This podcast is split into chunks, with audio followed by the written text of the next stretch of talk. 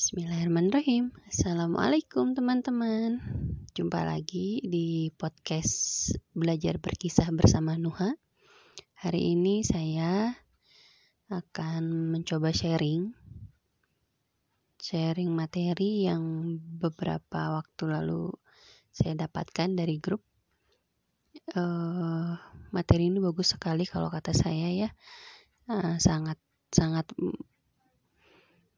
uh, positif yang saya rasakan setelah mempelajari kemudian mempraktekkan apa yang saya dapatkan ini. Nah, saya ingin membagikan sharing apa yang sudah saya dapatkan dengan harapan uh, semakin kuat ilmu yang saya ikat, semakin bermanfaat juga ilmunya buat saya, juga uh, bisa mengajak teman-teman yang mendengarkan juga ikut um, memahami, mengetahui, memahami, kemudian melaksanakannya gitu ya. Apa Ipa? Ipa dari mana barusan? Icam. Dari Kak Icam. Oh iya, bentar ya nak ya. barusan ada Iva. Oke, kita lanjut. Baik, yang akan saya share ini teman-teman, uh, saya akan beri judul Change Your World. Eh maaf, Change Your World, Change Your World. Ubah kata-katamu, maka kau akan mengubah dunia. Ini saya dapatkan dari Kang Hari Firmansyah ya, Kang Hari Firmansyah. Terima kasih untuk ilmunya. Uh, tampak sedikit tapi betul-betul besar manfaatnya. Ya terima kasih sekali. Semoga menjadi amal jariah. Hmm, iya sayang habis ini. Coklat-coklatnya mau lagi neng. Hmm, kita beli lagi. Nanti ya. Habis ini ya. Hmm, iya boleh. Nanti kita ke warung. Oke kita lanjut ya. Jadi hmm, Kang hari ini memberikan materi tentang dua huruf yang menjadi penyebab eh, bis menar penarik musibah dan menolak rezeki dan eh, dua tiga huruf ya yang akan menjadi sebaliknya gitu ya yang me, me, me, apa namanya menarik berkah dan mencegah musibah seperti itu. Nah, apa saja dua huruf itu dan tiga huruf yang kebalikannya itu kita bahas ya. Oke. Jadi dua huruf yang beliau maksud di sini adalah a dan h atau ah itu ya ah. Apa itu ah? Ah biasanya kata ah ini uh, dua huruf yang bergabung menjadi kata ini biasanya kita keluarkan atau kita ucapkan uh, pada saat merasakan apa ya namanya hmm, merasakan hal-hal yang kita anggap apa ya ah gitu ya. Ahnya bi nah eh, ah ini bisa disebabkan oleh dua hal ya. Dua hal kalau kata Kang Ari itu adalah yang pertama over ego dan yang kedua karena kehilangan kepercayaan diri. Over ego artinya kita lagi uh, kepedean kayak kalau bahasa kerennya kepedean gitu ya terlalu pede dengan diri sendiri atau sebaliknya ketika kita sedang kehilangan kepercayaan diri muncul maka akan keluarlah uh, si kata ah ini. Gitu ya.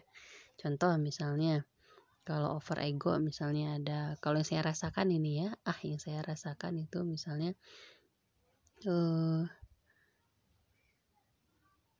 ah saya tahu sih dia dulunya gimana gitu ya. Ah. Gak yakin dia bisa begitu? Pasti ada apa-apanya. Atau ah wajar sih dia bisa begitu dia punya keluarga yang mendukung dia punya keluarga yang uh, bisa diandalkan nah, atau apalagi ya itu ego ya. Atau misalnya eh, karena justru karena kerendahan diri misalnya ah aku mah ada apa atuh gitu ya kalau bahasa Sundanya. Ah saya mah nggak bisa gitu ya. Ah aku mah hanya remahan renginang sering dengar itu mungkin teman-teman ya merasa diri rendah gitu. Nah itu eh, ah ah yang sering kita keluarkan seperti itu ya. Nah eh, kemudian kalau kembali ke awal tadi yang pertama yaitu over ego. Kalau didefinisikan ego itu artinya adalah merasa berhak. Hmm, merasa berhak orangnya yang pelaku egonya ini disebut egois gitu ya orang yang egois jadi ketika kita merasa ah kita lebih harusnya saya kuduna aku gitu ya mestinya gue ya seperti itu itu yang disebut dengan egois Nah, kalau kita tinjau lagi ternyata di Al-Qur'an sendiri eh, apa namanya disebutkan tentang sifat egois ini ya. Siapa yang memiliki sifat egois itu? Nah, di surat eh, surat Al-A'raf ayat 12 ya kan? Itu ada kalau saya bacakan artinya Allah berfirman Apakah yang menghalangimu untuk bersujud kepada Adam di waktu aku menyuruhmu? Iblis menjawab, saya lebih baik daripadanya. Engkau ciptakan saya dari api, sedang dia engkau ciptakan dari tanah. Nah, mungkin sudah familiar ya dengan ayat itu. Ini ayat ini menceritakan tentang bagaimana sombongnya, egoisnya iblis saat diminta uh, bersujud kepada Adam alaihissalam oleh Allah Subhanahu wa taala. Jadi eh, dan inilah yang menyebabkan kemudian iblis diusir dari surga seperti itu ya. Nah, dari ayat ini kita diberikan contoh gitu ya, kita jadi tahu bahwa yang namanya iblis itu dia memiliki sifat ego tadi, ego yang tinggi gitu ya, ego yang tinggi. Jadi kalau misalnya uh, kita cek ke diri kita misalnya kita ngerasa kita paling keren kita paling hebat kita yang paling istimewa kita yang paling berhak untuk di kalau iblis yang berhak di, disembah gitu disujud gitu ya oleh Adam. Dan kita kalau kita kita merasa kita yang paling berhak untuk dipuji dipuja gitu ya disanjung. Nah maka uh, hati-hati gitu ya hati-hati. Artinya jangan-jangan kita sudah mewarisi sifat iblis tadi itu yaitu ego yang tinggi tadi atau egois atau sombong gitu ya. Nah itu. Nah kemudian eh, kalau yang kedua tadi ya penyebab ah muncul tadi selain yang pertama adalah karena egonya yang tinggi yang kedua kebalikannya yaitu ketidakpercayaan diri atau merasa rendah diri. Nah, orang-orang yang tidak percaya diri itu disebutkan termasuk uh, ke dalam orang-orang yang kufur nikmat. Kenapa? Yang tidak percaya diri biasanya dia cenderung putus asa. Nah, ketika kita berputus asa, artinya kita sedang tidak mensyukuri nikmat yang Allah berikan. Kita sedang kufur nikmat terhadap yang telah Allah berikan ya. Uh, dalam oh ya ada ayatnya juga ya tentang kufur nikmat ini. Uh, surat apa ya? Saya lupa. Surat Yusuf ayat 87 ya Allah berfirman dan janganlah kamu berputus asa dari rahmat Allah. Ya, hai orang-orang yang beriman, bermohonlah pertolongan kepada Allah dengan sabar dan sholat. Ya, ini surat Yusuf.